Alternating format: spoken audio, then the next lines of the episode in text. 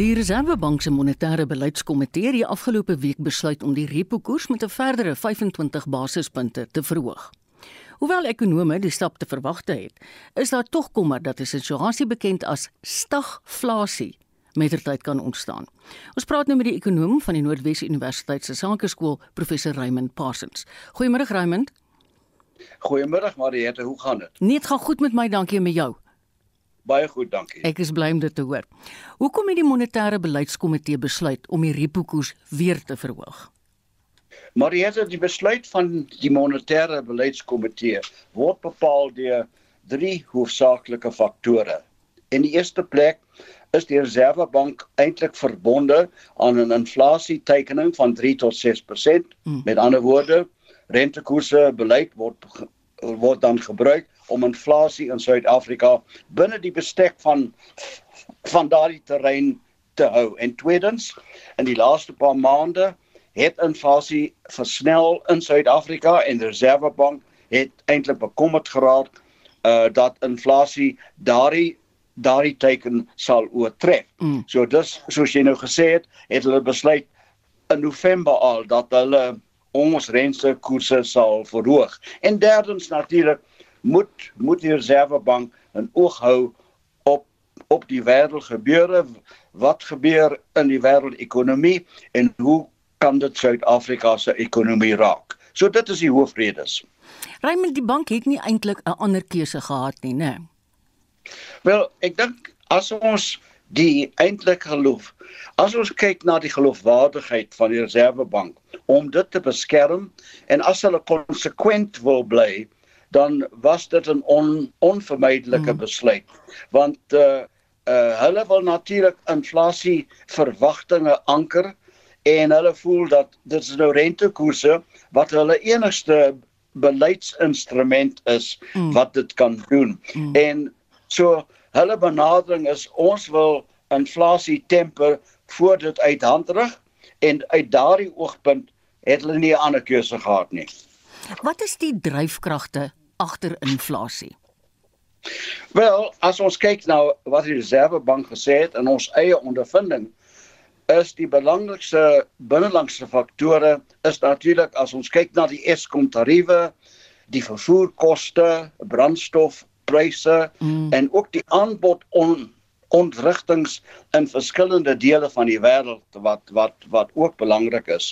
En wat nou gebeur het in die laaste paar maande is dat die produsent en die verbruikersprysindekse in Suid-Afrika het gestyg en natuurlik is die bank nou eintlik bekommerd dat dit kan omskakel in 'n loonprysspiraal ja. en hulle wil dit afweer. So daar is van ons ekonome wat voel wel as ons nou kyk na na die na ons ekonomie uh is die gevaar van so 'n spiraal nie eintlik baie groot nie want ons het 'n baie swak ekonomie op, op die oomblik maar vir die reservebank is dit 'n belangrike oorweging in die benadering uh oor hulle besluite wat moes hulle wat moet hulle doen hmm. met die rentekoers Raymond ons het in die inleiding verwys na 'n woord stagflasie Wat presies is dit? Maar hier het 'n stagflasie gebeur wanneer alhoewel rentekoerse styg, inflasie is nie in toom gehou nie, maar ekonomiese groei word benadeel en beskadig. Met ander woorde, jy kry dan die slegste van albei wêrelde. Mm, mm. Daar is nog hoë inflasie en maar uh, jy het veel lae groei omdat daardie rentekoerse vir groei seer gemaak het. Nou dit gebeur net as daar twee gevalle is. As jy nie die inflasie reg diagnoseer nie of as jy rentekoerse te aggressief verhoog. Mm. Nou op die oomblik dink ek ons reservebank is baie matig met hulle besluite, maar ons moet altyd onthou ons is nie die FSA of ander lande nie. Ons het hoë vlakke van werkloosheid Ons het ons eie ekonomiese omstandighede en ons moet net versigtig wees op die pad vorentoe wat ons nou besluit. Raymond ek moet veel baie dankie sê. Jy het hierdie nou verduidelik in terme wat regtig waar selfs ek kan verstaan en dit nogal in 'n taal wat nie jou moedertaal is nie. Baie dankie daarvoor. Dit was professor Raymond Parsons, 'n ekonom van die Noordwes Universiteit se Sakeskool. Die nasionale kommissaris van polisie, Keglag Sitole, ontken dat hy nie met die polisiewagond Oopot saamgewerk het in hulle ondersoek na die moord op die speurder luitenant-kolonel Charles Kneer nie. Kneer is vermoedelik deur bendelede vermoor. Sitole het op aantuigings in die media gereageer. Volgens die polisiewoordvoerder, brigadier Vish Naidu, het Sitole self die ondersoek na die moord op Kneer gelas. The National Commissioner of the South African Police has refuted allegations made in a print media publication that he has not cooperated with IPID in regards to the investigation into Carl Kinnear's murder. On the contrary, the National Commissioner had referred an investigation associated with the murder of Lieutenant Colonel Carl Kinnear to IPID for their investigation. The National Commissioner is therefore perturbed by allegations that a criminal case has been opened against him for having failed to cooperate with the investigation which he had initiated as a complainant. The National Commissioner and his office have at all material times cooperated with the IPID investigation and implemented the recommendations made by IPID arising from the outcome of the investigation. The National Commissioner has not been appraised of the nature and the extent of the allegations, imputing his lack of cooperation with IPID and will, in due course, after he would have been provided with a complaint from IPID, if any, respond to the same fully. Intussen sê die onafhanklike polisie ondersoekdirektoraat se woordvoerder, Grace Langa, dat daar twee sake teen die nasionale polisiekommissaris aanhangig gemaak is. We do not want to go into the discussions about these matters and uh, we have no intentions to comment to what the police commissioner might have said out there. And the only thing we can just do is to confirm that we opened two cases against the National Police Commissioner, Kekla Sitole. One is for failing to comply with Section 29 of IPID Act, and the other one is for failing to comply with Section 4, subsection 2 of IPID Act. These cases are obviously matters that may appear in court and we do not want to divulge or go into those details. Die woordvoerder van die onafhanklike polisie ondersoekdirektoraat se woordvoerder, Grace Langa, Akas Vincent Mufokeng vir SAI Garnis. Dis nou 12:13. Dis al amper 'n maand sedert die nasionale vergadering gebou by die parlement in 'n brand verwoes is en daar hang steeds baie vrae oor die ondersoek. Gister die minister van polisie Bekkie Cele, die portefeulje komitee oor polisie se vrae trotseer. Ons gesels nou met die leier van die Vryheidsfront Plus, Dr Pieter Groenewald, wat ook op die komitee dien. Goeiemôre Pieter. Goeiemôre Marieta. Het die minister enige iets gesê oor die bewering dat die beskuldigde Zandile Mafe vloeibare plofstof by hom gehad het? Marieta tipies is die minister vir my altyd hierdie tipe van direkte vrae. Ek het dit vir hom direk gevra en sy antwoord was net nee maar hierdie saak is nou in die hof en dan is daar nou sekere aspekte wat nou nagekom moet word. Eintlik sê hy eintlik nou die uh saak is nou sub judice en kan hy nie sekere antwoorde gee nie. Nou ek verskil met hom daarop om die eenvoudige rede dat dit was al reeds in die openbare domein. Daar was al in vorige berigte gesê dat die polisie het gesê daar was spesifiek verwys na die Falco se kant af wat gesê dat hy het vloeibare plofstof in sy besit uh gehad toe hulle hom gearresteer het. En daarom kan ek nie verstaan hoekom kon hy dit nie maar bevestig het nie, maar nou kan ek sê later daar was nog 'n generaal Massimolo. Uh da, daar was 'n ander vraag in terme van waar kom die plofstof vandaan. Mm. En hy het natuurlik toe die fout gemaak en gesê nee, hy weet nie waar kom die plofstof vandaan nie. nou dit beteken mm. dat uh, hy bevestig eintlik dat daar was ja. plofstof, hy weet net nie waar dit vandaan kom nie. Wat se antwoorde het julle gekry op die vraag of die kring televisiekameras se monitors gewerk het? Wel as ons kyk na die voorlegging, dan is dit 'n geval van dat hulle sê dat daar's 'n muur van 'n uh, video's, hulle praat maar van die video muur wat sedert 21 Desember buite werking was uh, weens 'n kragonderbreking van Eskom op die 21ste.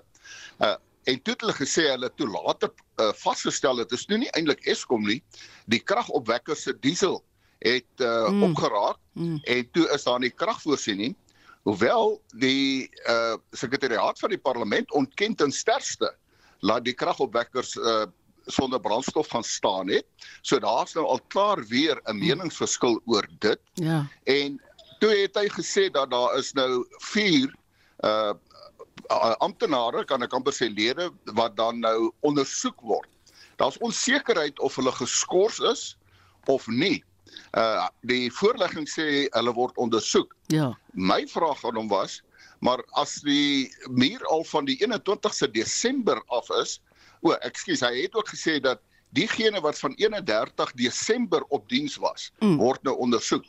En ek dink dis onbillik, daar moet almal ondersoek word want toe hulle op 31 Desember op diens gekom het, toe was die muur reeds af want mm. die voorlegging sê self hy was deurlopend af van 21 Desember. So die minister eh, trap regtig werklik uh, klei daaroor. As ek vinnig kan sê uh, as ek tyd het jy moet my stop ja, as ek wil nee, sê jy nie. Mm -mm. Uh spesifiek wat betref uh, die vloeibare plosstof, hoekom ek die vraag gevra het, uh, mense moet dalk net verstaan. Uh dit is in die kommersiële handel veral in die mynboubedryf word uh, ja. vloeibare plosstof gebruik. Dis dit lyk soos 'n tipe van 'n emulsie wat hulle basies in 'n gat afgooi wat hulle geboor het. Maar dan is daar 'n ander proses, hulle noem dit gassing. Met ander woorde, om dit in eenvoudige taal eh, te stel, die plosstof word dan basies uh, aktief gemaak dat hy kan ontplof. Mm. En behalwe dit ook nog moet enige plosstof uh, moet 'n ontsteker hê.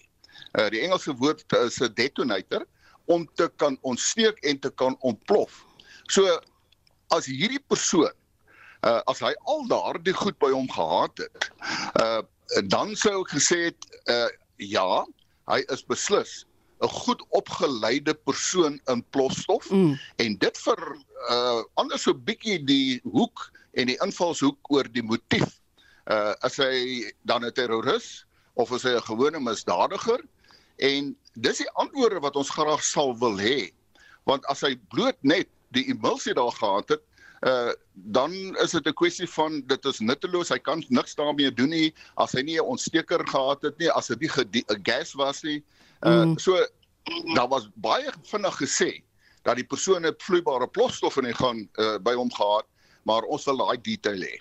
Ja, nee dames en ek sê ek dink al die joernaliste wil dit ook hê. Baie dankie.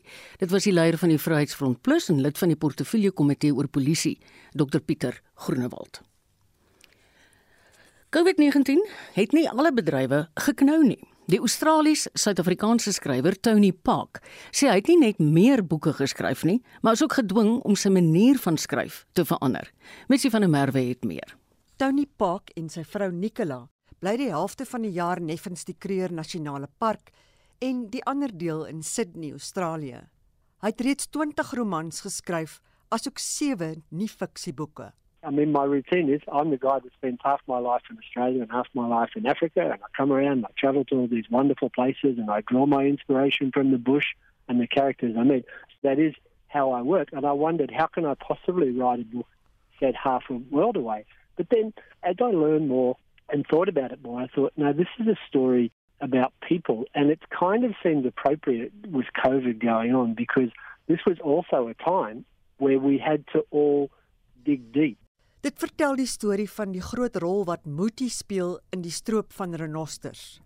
From Australia, I had to call one of my uh, Shangaan friends who works near where I live and start asking him some quite different questions about his personal beliefs. And I also interviewed a couple of guides and trackers about how they do that, how they get into the mind of an animal, how they have to kind of broaden their own thought patterns and approaches in order to think ahead and think, what's that animal going to do next? And now, if you're trying to track a person, as happened in the books with rhino poachers, a lot of rangers and people in anti-poaching have told me that humans are the hardest people to track. Want sê Pak, mense probeer jou die heeltyd van hulle spoor af kry.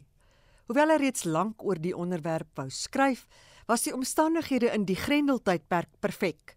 I had a conversation with a friend of mine who's an academic working in the particular field that Blood Trail's about, about the use of muti and traditional beliefs and how they apply to the fight against poaching. That was actually a couple of years ago, but I think it actually took COVID and being stuck in Sydney in lockdown to get in the right place where I could think enough to go through this book. Hy sê die navorsing het sy oë oopgemaak. Because look, I mean, I'll be honest, as a white middle-aged male from Australia, when someone tells me that there are people in Africa that will go to their sangoma, their traditional hero, and they'll pay money for a potion that will make them invisible so that the rangers can't catch the poachers. My immediate reaction was, well, that's silly. But then I spoke to two researchers, and, and the other academic I spoke to says, hey, hang on. He says, you were in the army. I said, I was. I served in Afghanistan. He says, there are no atheists in foxholes. I said, that's absolutely right. People become more religious when they go to war. Pak sê hy moes toegee dat as jou lewe bedreig word, jy iets soek om aan vas te klou. Because as he explained to me that this is not about a particular culture, it's not about a particular type of muti, it's not about a particular type of religion, it's about something called a high risk, high reward endeavor. And when you're involved in something where the stakes are high, that could be rhino poaching, where poachers will risk their lives and rangers will risk their lives. Rangers also use muti. It could be war, where ultimate reward is victory and the ultimate risk is being killed, you cling to things like a lucky rabbit's foot or a St. Christopher medal or something like that. Tony Park bly 6 maande van die jaar in Suid-Afrika en gebruik die samelewing as basis van baie van sy boeke. Mitsi van der Merwe, SAK nuus. Is ingeskakel op RSG en jy luister na die program Naweek Aktueel. As jy onlangs by ons aangesluit het, welkom. Die Weskaapse Departement van Landbou het bevestig dat gevalle van Afrika varkgriep in Thembalethu in George opgemerk is. Die siekte is vroeër in Januarie in KwaNonkaba, buite Mosselbaai bevestig, waar meer as 75 varke gevrek het. Die departement sê dit is nog nie bekend hoeveel varke in die George omgewing omgekom het nie. Ons praat nou met die Weskaapse minister van Landbou, Ivan Meyer. Goeiemôre Ivan. Ek sien hy kan hy, ek hoor hom eers. Ivan, kan jy my my hoor? Ek kan dit baie duidelik hoor. O, wonderlik. Ek sê goeiemôre en baie welkom. Hoe het julle ouens opgemerk die varkgriep het nou na George versprei? Ja, ons het die varkgriep uh, het uitgebreek hier in Mosselbaai en in die George omgewing in die Weskaap en my staatsveearts uh, het was ook onmiddellik op die toneel. Die vraag is hoe het dit ons dit opgetel? Varkgriep is by my laboratorium toetse bevestig, so ons het klagtes gekry van varke wat uh, gesterf het en toe het ons onmiddellik laboratorium toetse onderneem en daardie toetse het bevestig dat varkgriep wel voorgekom het in beide Mosselbaai as ook in die George omgewing. Hoe aansteeklik is varkgriep en wat kan gedoen word om te verhoed dat dit versprei? Wel ons het onmiddellik ook kontak gemaak met die varkboere in beide die George en in die Mosselbaai omgewing om veral die verdere verspreiding van die varkgriep te voorkom. Hmm. Spesifiek het ons ook met die varkboere gepraat en ook vir hulle versoek om dan onmiddellik hulle karkasse ontslae te raak volgens die omgewings en uh, vereistes en die normale standaarde. Ons het ook hulle versoek om die vervoer van varke in die omgewing moet onmiddellik verhoed word want ons wil dit nie verder versprei nie. Ons het ook met kommersiële boere geskakel om hulle ook te versoek om hul biosekuriteit-maatreëls op te skerp spesifiek.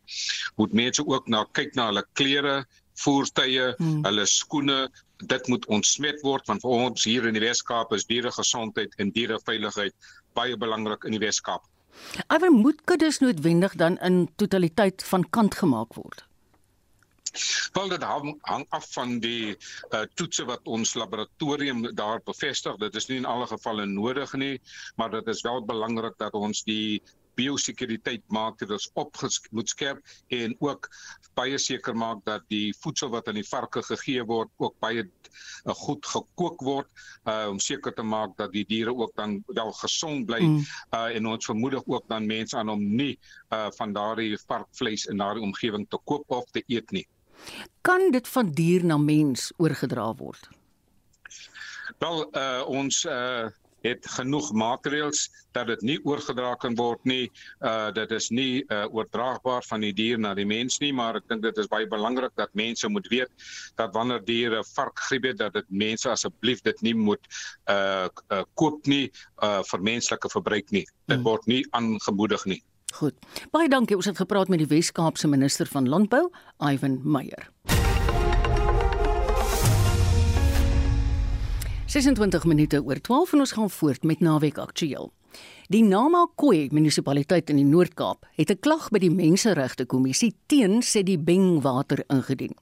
Die munisipaliteit beskuldig die waterraad van swak diens wat inwoners gevolglik van hulle basiese regte ontneem.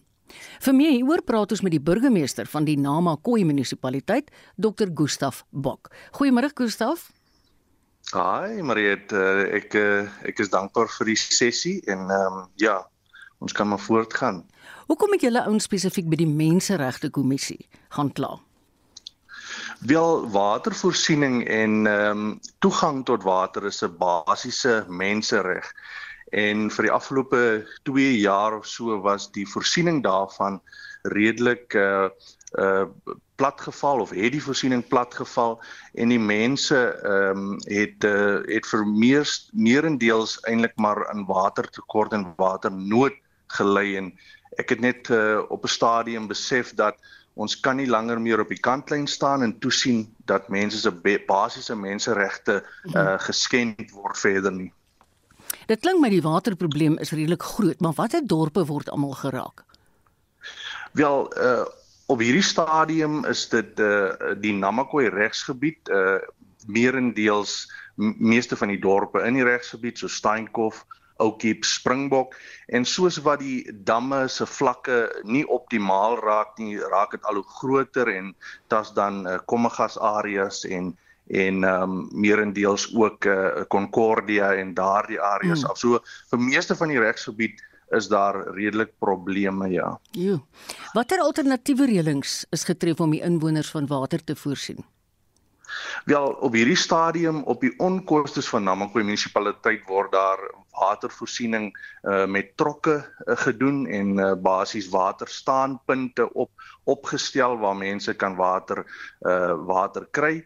Baie kere ehm um, is is boorgate nie noodwendig volledig en goed genoeg toegerus nie die kwaliteit van hmm. water en die toetsing van daai water ontbreek en dus kan 'n mens nie noodwendig sê dat dit vir vir vir uh drink uh geskik is nie. Mm. So uh boorgate is nog nie optimaal uh, uh geondersoek nie, maar soos wat Siribeng se kommunikasie dit toelaat, jy weet, vind ons uit dat pompe aan die gang is uh en dat water uh, gepomp word maar daar is oneffektiewe kommunikasie in wanneer die pompe uh, afgesit word of hoeveel pompe is is in uh, is in werking mm. uh, omdat die water water uh, uh, uh, die Oranje rivier water is redelik in uh, in in oorstroming en die watervlak is besig om dramaties hoër te raak mm. en dus kan hierdie agterstand in ons damme se vlakke wat wat geskep was of ges, uh, of of tot stand gekom het kan actually vererger as een van daai pompe oorstroom met die stygings van ja. water in die volgende 2 weke ja. Gustav, jy is nou die burgemeester van die Namakwa munisipaliteit. En inligting wil dit hê dat die munisipaliteit sê die Bengwater 360 miljoen rand skuld. Is daar 'n ooreenkoms om hierdie skuld te delg? Maar het onder korreksie ehm uh, die munisipaliteit skuld nagenoeg 202 miljoen rand en hierdie hierdie bedrag is absoluut in dispuut omdat daar geen sensors is wat water uh, verliese aan Sedibeng se kant akkuraat kan moniteer het oor die afgelope tyd nie. Hulle skuld ook die Namakwa munisipaliteit vir vir elektrisiteit wat ongemeterd was vir die afgelope of vir 'n tydperk van so 5 jaar. So daardie bedrag en wie hoeveel skuld vir wie is mm. in groot dispuut okay. eintlik. Uh en dus die die die die platval van dienste uh, verskaffing vanaf Citibank het niks te doen met met met Namakwa se se skuld ons uh, aan hulle. Ons betaal hulle die afgelope jaar en bietjie meer as 3.5 miljoen 'n maand uh, en ons het absoluut niks van hulle ontvang vir hulle se skuld van ons uh, aan ons nie. Baie dankie dit was die burgemeester van die Namakwa munisipaliteit Dr Gustaf Bok. Brandbestryders van die Kaapse Wynland moes die afgelope week minstens 75 brande blus. Die laaste van die brande is nou onder beheer. Vir die jongste oor die situasie praat ons nou met die woordvoerder van die Kaapse Wynland Distriksmunisipaliteit, Joanne Otto. Goeiemôre Joanne. Hallo Marietta en hallo luisteraars. Verlede um, naweek was daar verskriklike hitte toestand by julle ouens in die Wes-Kaap. Het julle toe darm die mas kon opkom?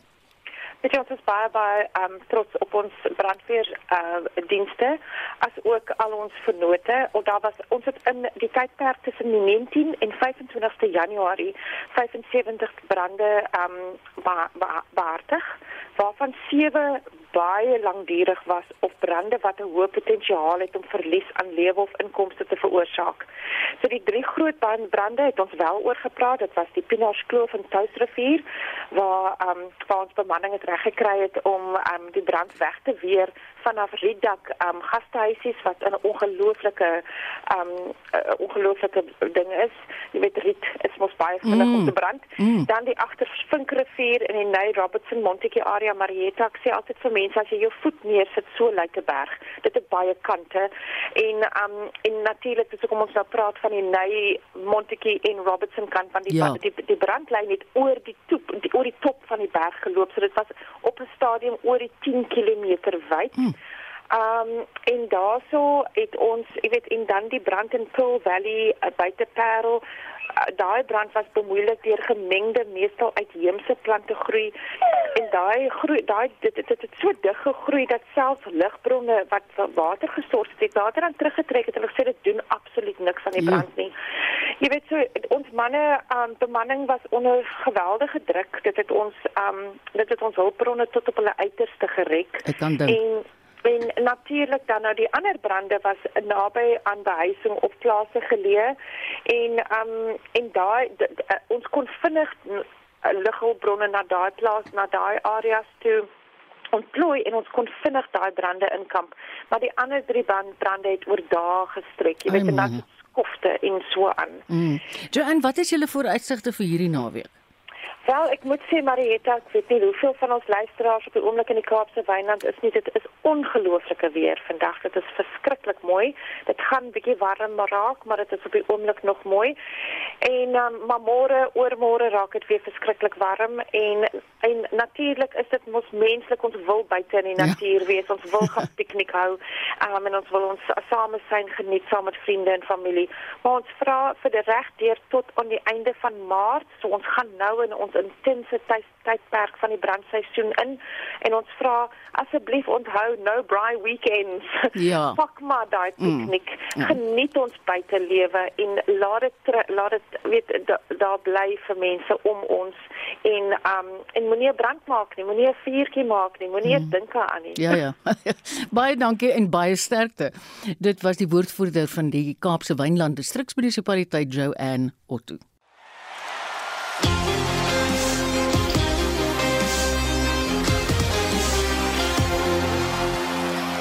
Nou ja, gereelde luisteraars sal weet as jy daai kenwyse hoor, beteken dit een ding en dis ons gaan met Pieter van der Berg gesels. Hy is ons sportman. Hallo Pieter. Maar dan sê Marita. Verlede naweek het ons hom ontsettend trots gewees op die Blitsbokke en hulle is alweer hierdie naweek in aksie, Danny. Ja ja, dis uh, die wêreld sewe rugby kampioenskap is uh, derde toernooi wat ons verlede week daar in Malaga gewen het die Blitsbokke.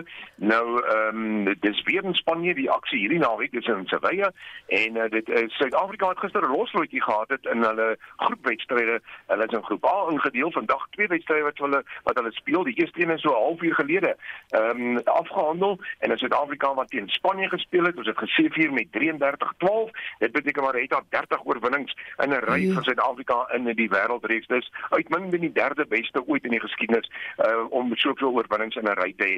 Dan 'n bietjie later speel ons teen die FSA. Dis om uh, 25 minute oor 5 vanmiddag en ons hoor oh. dan vanaand in die kwart eind in aksie te wees, Marita. Ek ek teken onmiddellik aan dat ek by die huis kan weet hoe laat moet ek aan sit. nou in die 15 man formaat van rugby is die aandag weer by die Verenigde Rugby Kampioenskap hier in Suid-Afrika. Ja, die Lions en die Bulls hulle meet vanmiddag kragte. Dis om 3 uur. Dis in Johannesburg. Ek sien dat Willem Alberts hy sal slot speel vir uh, die Lions. Dis in die beseerde Pieter Jansen van Vuren se plek en dan Emmanuel Tetuka. Hy dra die nommer 7 trui in die plek van Roan Stoudi. En ek sien die Bulls ja, natuurlik hulle kan nie te goed voel oor verlede week nie. Hulle het 24-18 in volgende oorwinnings. Dis 'n wenloopie wat hulle gehad het. Op Loftus Versveld het hulle nou prys gegee, so hulle sal seker daarvoor wil vergoed. En dan speel die Sharks teen die Stormers. Dis om 5 minute oor 5 vanmiddag en die Sharks ja, Siyakolisi en Bongi Mbonambi. Hulle is terug daar in die begin agtal en vir die Stormers sal Ivan Roos en Salman Murad beide die kragmeting misloop beteken dat die Stormers dit totaal van 3 veranderinge aangebring aan hulle span. Op die punte leer die Suid-Afrikaanse spanne so bietjie verder terug omdat hulle uh, minder wedstryde as die Europese ewig nie gespeel het. Dis natuurlik as gevolg van COVID. Nou uh, in die 11de plek is die Stormers met 12de uh, 12 punte. Die Lions het ook 12 punte, hulle is in die 12de posisie en dan die Sharks 13de met 10 punte en die Bulls, hulle is 15de met 7 punte. RSG se Dion Skuman en Johan Rademan, hulle sal gereeld verslag doen oor die wedstryde vanmiddag. Jy weet dis ongelooflik. Ons het die Australiese Ope tenniskampioenskap gevolg danksy julle wat ons op hoogte gehou het. Ons is letterlik nou al in die eindstrydstadium om die waarheid te sê ek het hier vanoggend sit en kyk na die vroue finaal. Vertel ons meer asseblief. Ja, so 20 minute gelede is alles verby wat die vroue enkelspel betref. Wêreldnommer 1 Ashley Barty van Australië sy die eerste stel in net uh, meer as 'n halfuur met 6-3 verower toe dit Daniela Collins die 27ste gekeerde vir die toernooi van die VSA baie goed teruggeveg. Sy was 5-1 voor in die tweede stel, maar nee, dit is Barty wat besluit het sy wil daardie titel hare maak en sy die tweede stel het sy toe ingepalm. Ehm um, 7-6 daar die volbou pot het sy gewen met ehm um, 7-2, so sy wen dan hy tweede stel met 7-6. Na die wedstryd 2 uur 34 minute en ja, Batie nou die eerste Aussie sedert Chris O'Neil ja. in 1978, 44 ja. jaar later om die kampioen in die vroue enkelspel te wees as 'n Australianer. Dan wat die mans halve eindstryd dan betref, gister afgehandel, Rafael Nadal, hy jag sy 21ste Grand Slam titel en hy het in 2 eh, uur 55 minute het hy afgereken met die sewende gekeerde Matteo Berrettini. Dit was 'n vierstelle gewees en dan Stefanos Tsitsipas Hy het die vierde keer hy is uitgeskakel deur Daniel Medvedev, die tweede keer die telling na 7-6 4664 en 61. So daardie eindstryd dan môre is dit Nadal teen Medvedev en ek moet sê ek hoop Nadal wen sy 21ste ja, Hy wil dit so graag hê. Ek het gisteroggend 'n monitor gehoor hier verwys na 3 mans golftoernooie en ook 'n vroue ene in Amerika.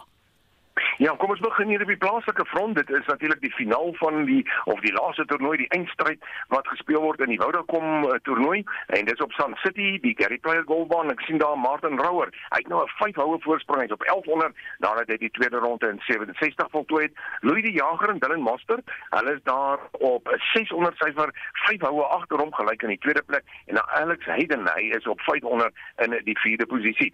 Dan beweeg ons na die toernooi in Dubai. Dis die Dubai Desert Classic wat op die oomblik gespeel word. Goeie nuus vir Suid-Afrika. Dit is uh, Lee Westwood, Darryl Hatton uh, wat op 11 onder is. Hulle is besig met hulle ehm um, die derde ronde op die oomblik en dan Suid-Afrika se Justin Harding. Hy was die voorloper na twee rondes. Hy is net 1-0 agter op 10 onder. Hmm. Dan Rory McIlroy en nog 'n Suid-Afrikaner, Erik van Rooyen. Hulle is op 9 onder en 8 onder onderskeidelik. So kom ons hoop dat Erik en Justin daar kan hoe sê hulle vasbyt ja. en net die dinge kan deurdra vir Suid-Afrika. Dan wat die Farmers Insurance Open op Torrey Pines in San Diego aanbetref. Na 3 rondes is dit Jason Day en Will Zalatoris wat die voorlopers is op 1400. Jon Rahm en Aaron Ray, hulle is daar op 1300 en Suid-Afrika se Christian Besuitnout 38ste op 600 en die LPGA Tour, dit is natuurlik die Cambridge toernooi daar in Boca Raton in die VSA. Nou na tweede ronde is, is uh, Daniela Kang van die VSA en Lydia Ko van die Seeland gesamentlik voor op 1100 syfer. Ongelukkig het Ashley Bohai en Paula Reto die afsnypunt daar gemis. Ja, dis baie jammer. Ek en Willem het gistermiddag probeer kyk en die middag voor dit in Spitstyd of ons die vroue krieket kan sien, maar dis ongelukkig mm. op 'n kanaal wat die SAK nie dra nie. So ek het geen idee wat in die Wes-Indiese eilande aangaan nie. Kan jy ons vertel? Ja, weet jy dit is nou gister die eerste eendag wedstryd Suid-Afrika teen die Wes-Indiese eilande op die Wanderers in Johannesburg nou Rene twee keer spel onderbreek. Die Windies, hulle teken toe 234 vir 3 aan in 45.3 balbeurte en toe was dit die Duckworth Lewis metode oh. waar dit daar 204 moes aangeteken word deur Suid-Afrika in 29 balbeurte. Nou dit was 'n uh, eh, hulle was reeds in die moeilikheid gewees op 87 vir 5 na 17 balbeurte toe dit weer begin reën het. So ek dink die die reën het so iets wat ons uh, span gered daar. Maandag speel die twee spanne dan weet jy mekaar en dit sal wees in die tweede van vier eendag wedstryde. Die volgende twee of die derde en die vierde word aanstaande naweek gespeel.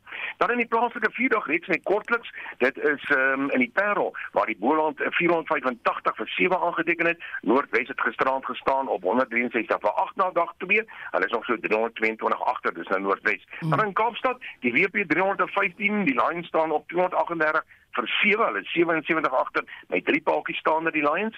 Dan in Durban die Warriors 386, die Dolphins 146 vir 2. Dit beteken die Dolphins is nog 240 agter gewees daar. En in Bloem, die Titans was 7 515 vir 9 en die Knights, hulle het gestaan op 12 sonder verlies gisterand toe die manne gaan slaap het en dit beteken hulle is nog 503 lopies agter. Dis nou die Knights. Ja. Nou die naweek se sokker het gisterand in Engeland afgeskop en in Afghan se toernooi is ons al by die kwartfinale. Ja, gisterand in die Engelse Kampioenskap Huddersfield en Stoke City 1-1 gelyk opgespeel. Vandag is daar 'n hele rits wedstryde. Dit sluit onder meer in uh, Luton Town teen Blackburn, Preston teen Bristol City, Fulham teen Blackpool en QPR teen Reading. Al die wedstryde word om 5:00 gespeel en soos jy genoem het in Afghan se toernooi is daar vandag twee kwart wedstryde en môre word die laaste twee gespeel. Vandag is dit Gambia teen Kameroen, uh, dis om 6:00 en dan Burkina Faso teen Tunesië, dis om 9:00 vanaand. Môre Egipte en Marokko het meet en in die laaste kwartfinale Senegal en Ekwatoriaal Guinea wat op die veld sal wees. En natuurlik Marita van Marcel Jody Hendricks van 3uur tot 6uur met al die jongste sportterug wees op RSG. Baie dankie dit was Pieter van der Berg van RSG Sport. 'n Baie baie interessante storie wat nou kom. 'n Vreemde voorwerp wat elke 18 minute energie vrystel, helder skyn en dan weer verdwyn. Laat sterrekundiges kopkrap omdat die soort, kom ons noem dit dan nou maar gedrag, nog nie voorheen waargeneem is nie. Daar word geglo dat dit 'n soort neutronster is wat eers deel was van 'n massiewe ster wat verskiet het. Maar kyk, ons weet heeltemal te min. Ons praat oor hierdie verskynsel met Ouke Slotegraaf van die Sentrum vir Sterrekunde Erfenis. Goeiemôre Ouke. Middag sê Marite. Sterrekundiges is verheug dat daar nou nog verrassings in die hemelruim is. Hoekom is die verskynsel so skaars? Dit is 'n baie goeie vraag. Ek geweet het dat ek 'n Nobelprys gehad. Kyk, soos jy soos jy gesê het, die die ontdekking is van iets wat rare um, amper wel dit dit is uniek op die oomblik. Die sterrekundiges dink dit is die eerste, maar is ook nie die laaste nie.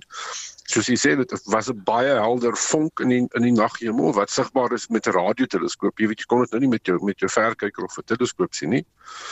En hy het plotsins gekom en gegaan en toe hulle hom weer sien herhaal. So dis iets wat periodies gebeur. Hmm. Ehm um, maar die helderheid daarvan en as jy mens gaan kyk wat daar in die ruimte is, as jy nou 'n gebiede gewone teleskoop gebruik, dan is dit um, duidelik een of ander eksotiese vorm ja. van ster. Ja. Soos jy sê, dis hulle vermoed dis 'n neutronster. Nou kom ons sê dit is 'n neutronster. Hulle stel dan nou sekere energiepulse vry. Is dit uitsonderlik of is dit wat mag gebeur met alle neutronsterre? Ja, dis dis dis nog 'n stryk vraag, nê. Nee. So soos jy ook genoem het, 'n neutronster is die is, is so is die eindpunt van 'n reuse ster se lewe. Mm. So dit dit dit is die kern wat oorgebly het na 'n baie groot ster uitgebrand het en die materiaal van die ster is verskriklik dig saamgepak. Jy weet 'n desertlepel van die goed as jy nou so 'n sterk lepel mm. kon kry, 'n desertlepel van die goed weeg soveel soos Tafelberg. Oh. So die met dit is verbasend en nou nog erger is die ding spin om sy as teen 'n spoed wat skrik vir niks. En wat hulle vermoed hier gebeur is hierdie is 'n sogenaamde magnetaar wat maar net 'n neutronster is wat hierdie massiewe digtheid het en wat vreeslik vinnig spin en soos hy dit doen, wek hy baie sterk magneetveld op en baie soos 'n vuurtoring. Ja. Wat kyk 'n vuurtoring is die hele tyd aan, Maar as jy op 'n verkeerde plek staan, dan sien jy hom nou nie. Uh. So vermoedelik is dit wat hier gebeur, is dit is 'n baie sterk magneetveld rondom 'n neutronster. Okay. En soos hy omspin, omspin, dan op 'n stadium dan wys daai eh, kom ons sê die ligbondel of die mm. pool mm. van die ster want dit is 'n mm. magneet uit 'n N en 'n S pool, dan uh, skyn dit na die aarde toe.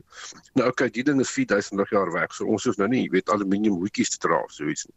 Ehm um, die, die die ding wat die ontdekking baie baie cool maak is jy weet wetenskap is baie soos om 'n legkaart te pak jy weet jy jy maar jy het nie die boks met die prentjie op nie en jy weet ook nie eintlik waar die stukkies is nie. Die hond het 'n klomp van gevreet en so. En dalk is daar stukkies wat aan 'n legkaart weet ook in die boks. Nou soek jy spesifieke patroontjies om die prentjie uit Ja. te pak. Ja. En wat as jy byvoorbeeld skielik 'n rooi blokkie vind, nou weet jy okay, hier's nou iets cool aan die gang. So dit is wat hier gebeur is daar's verskillende uh, wiskundige teorieë of modelle van hoe sterre hulle lewe uitleef. Goed. En die teorieë stem ooreen op baie punte. Daar's baie raakpunte. Maar soos jy gaan na die uiterste gevalle toe waar sterre vorm of dan nou waar sterre doodgaan, dan begin hierdie wiskundige modelle verskillende antwoorde te hê. So as jy nou 'n voorbeeld kan vind van iets in die ruimte wat 'n spesifieke unieke eienskap het, dan kan jy sien, o, wag so 'n bietjie, jy weet, Janie en Pietie en Sunny se teorieë is verkeerd. Mm. want hulle voorspel nie hierdie tipe van eindtoestand nie. So dis een van die wonderlike goed. OK, ek moet sê jy's in die regte beroep, want jy verduidelik dit sodat 'n mens dit kan verstaan. Ek wil net vir van my kant af duidelike dom vraag vra. Hoe ver van die aarde af gebeur hierdie goeters? Dit kan enige dit kan enige afstand wees. Hierdie ding is as hierdie ding 'n neutronster is, Mm. mm. dalk is dit dalk is dit aliens, ek weet nie. Dis onwaarskynlik, dis onwaarskynlik, maar jy weet, Ja. die die legkaartjies is groot en daar's baie stukkies. Ehm um, so enige plek waar daar 'n baie groot ster is. Ja. Daai groot ster gaan op die ou einde opeindig as 'n neutronster. So hierdie spesifieke een is maar net 'n ster wat 4000 ligjaar van ons af is. Nou dis baie ver. Mens wil nie daai afstand kruip nie, maar dit Nee. is dit is in ons agterplaas in terme van hoe groot ons Melkweg is. Jy weet so Ja, dit ja. is naby. Mm, mm. Ehm um, so basies enige plek waar jy jou groot ster het, Ja. sal so ding vorm. Goed. Ouke, baie dankie. Ek moet sê ek het met 'n oop mond sit en luister. Dit is verbuisterend. Dis Ouke Slotegraaf, verbonde aan die Sentrum vir Sterrekunde Erfenis. Nou, Wessel Pretorius. Hy gaan vir ons vertel aan ons motorrubriek oor 'n Fransman wat in Indië gebou word.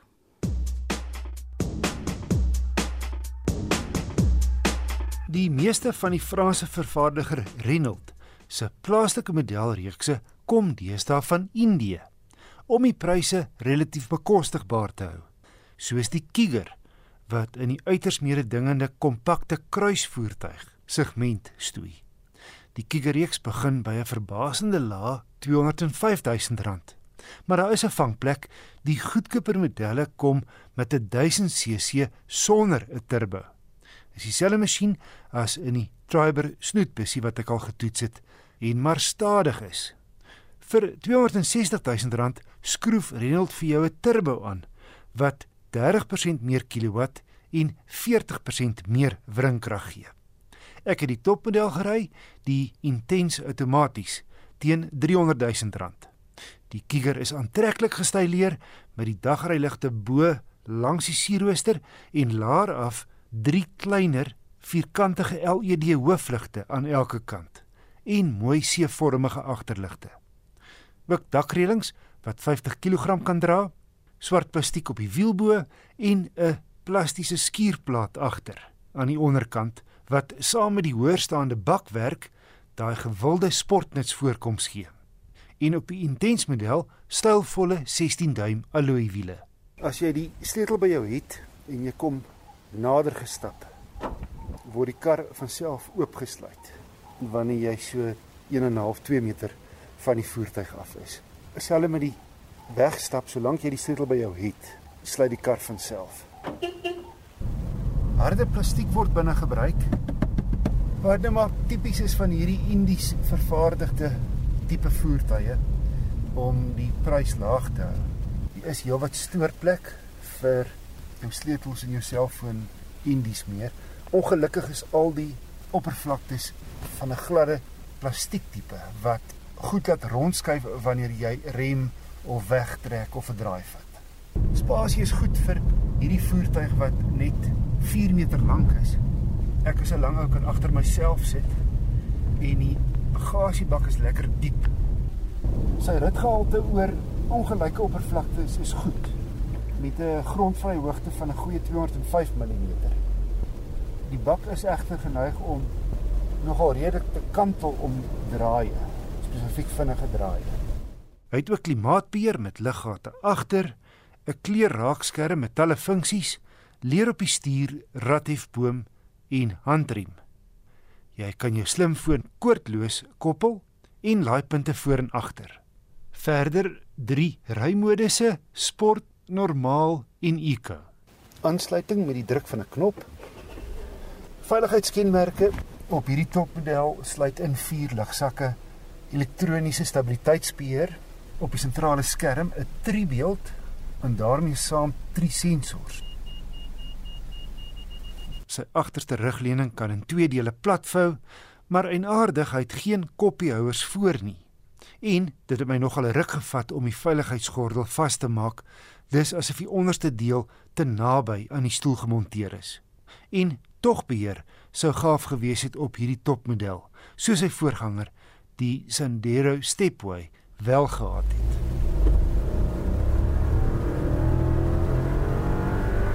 Die 1000cc 3-silinder turbo lewer 74 kW en 160 Nm. Gemiddeld vir die klas ryding. 'n CVT outomaties kom goed met die oond oor die weg en maak die beste van die wrinkrag beskikbaar. Die gemiddelde verbruik op my standaard stad en ooppadroete was 'n skaflike 7.5 liter per 100 km. Windgedruis was wel opvallend teen 120 op die snelweg, hoewel daar nie die spesifieke dag 'n wind buite gewaai het nie. 'n 3 jaar 45000 km diensplan kom gratis. My gevolgtrekking teen R299900 bied die Renault Kiger Intense outomaties baie goeie waarde vir geld. Kyk van die materiale binne is wel 'n bietjie laatlas en dinamies is hy nie die beste in sy klas nie, maar hy's omvattend toegerus en bied heelwat spasie gegee sy buiteafmetings. En dit was Wessel Pretorius.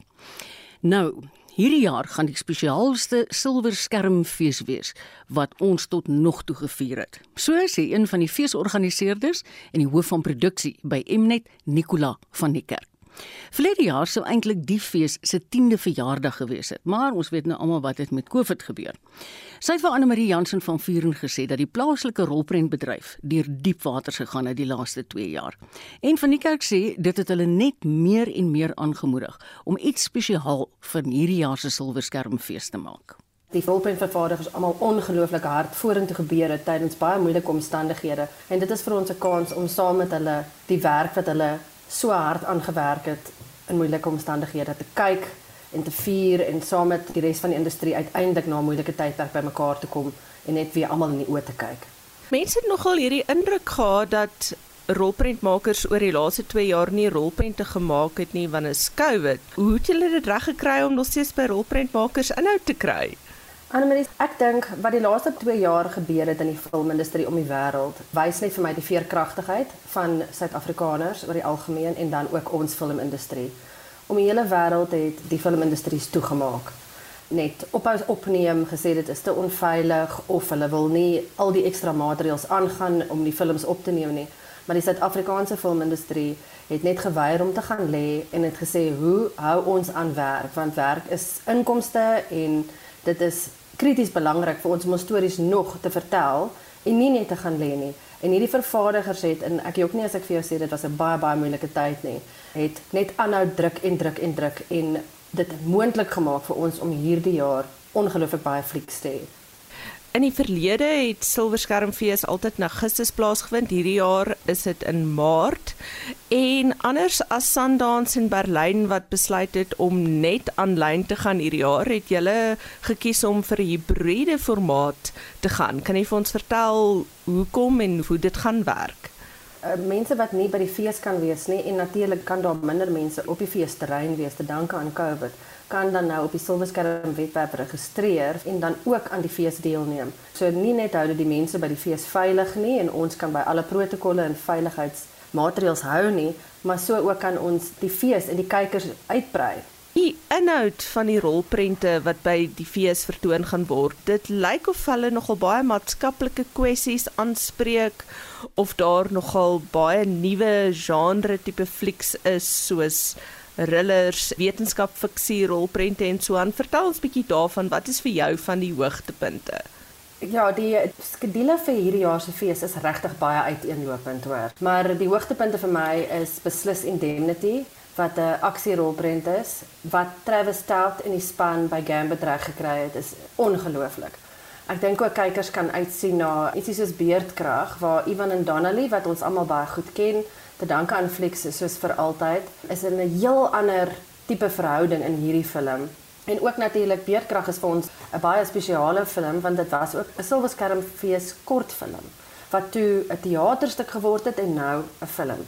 Met Flix soos Beerdkrag en Vlugtig kan mense ook regtig sien dat ons binne die COVID beperkings moes werk. So jy het films waar jy nie vreeslik baie extras kan hê nie, jy kan nie 'n groot rolverdeling hê nie.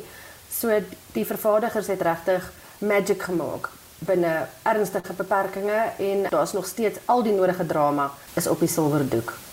Stiekheid is ook 'n baie spesiale film dit van regisseur Etienne Fourie af en dis pragtig. Dis al wat ek kan sê. Dit is die kleure, die kostuums, die foptossers. Dit is ongelooflik om te sien, regtig die eerste in 'n Afrikaans. Dan natuurlik Gaia, 'n kroonjuweel vir films regtig. Dis nou die ekologiese thriller. Ja, dit is die ekologiese gruwelfilm en wat so goed gevaar het oor see ook.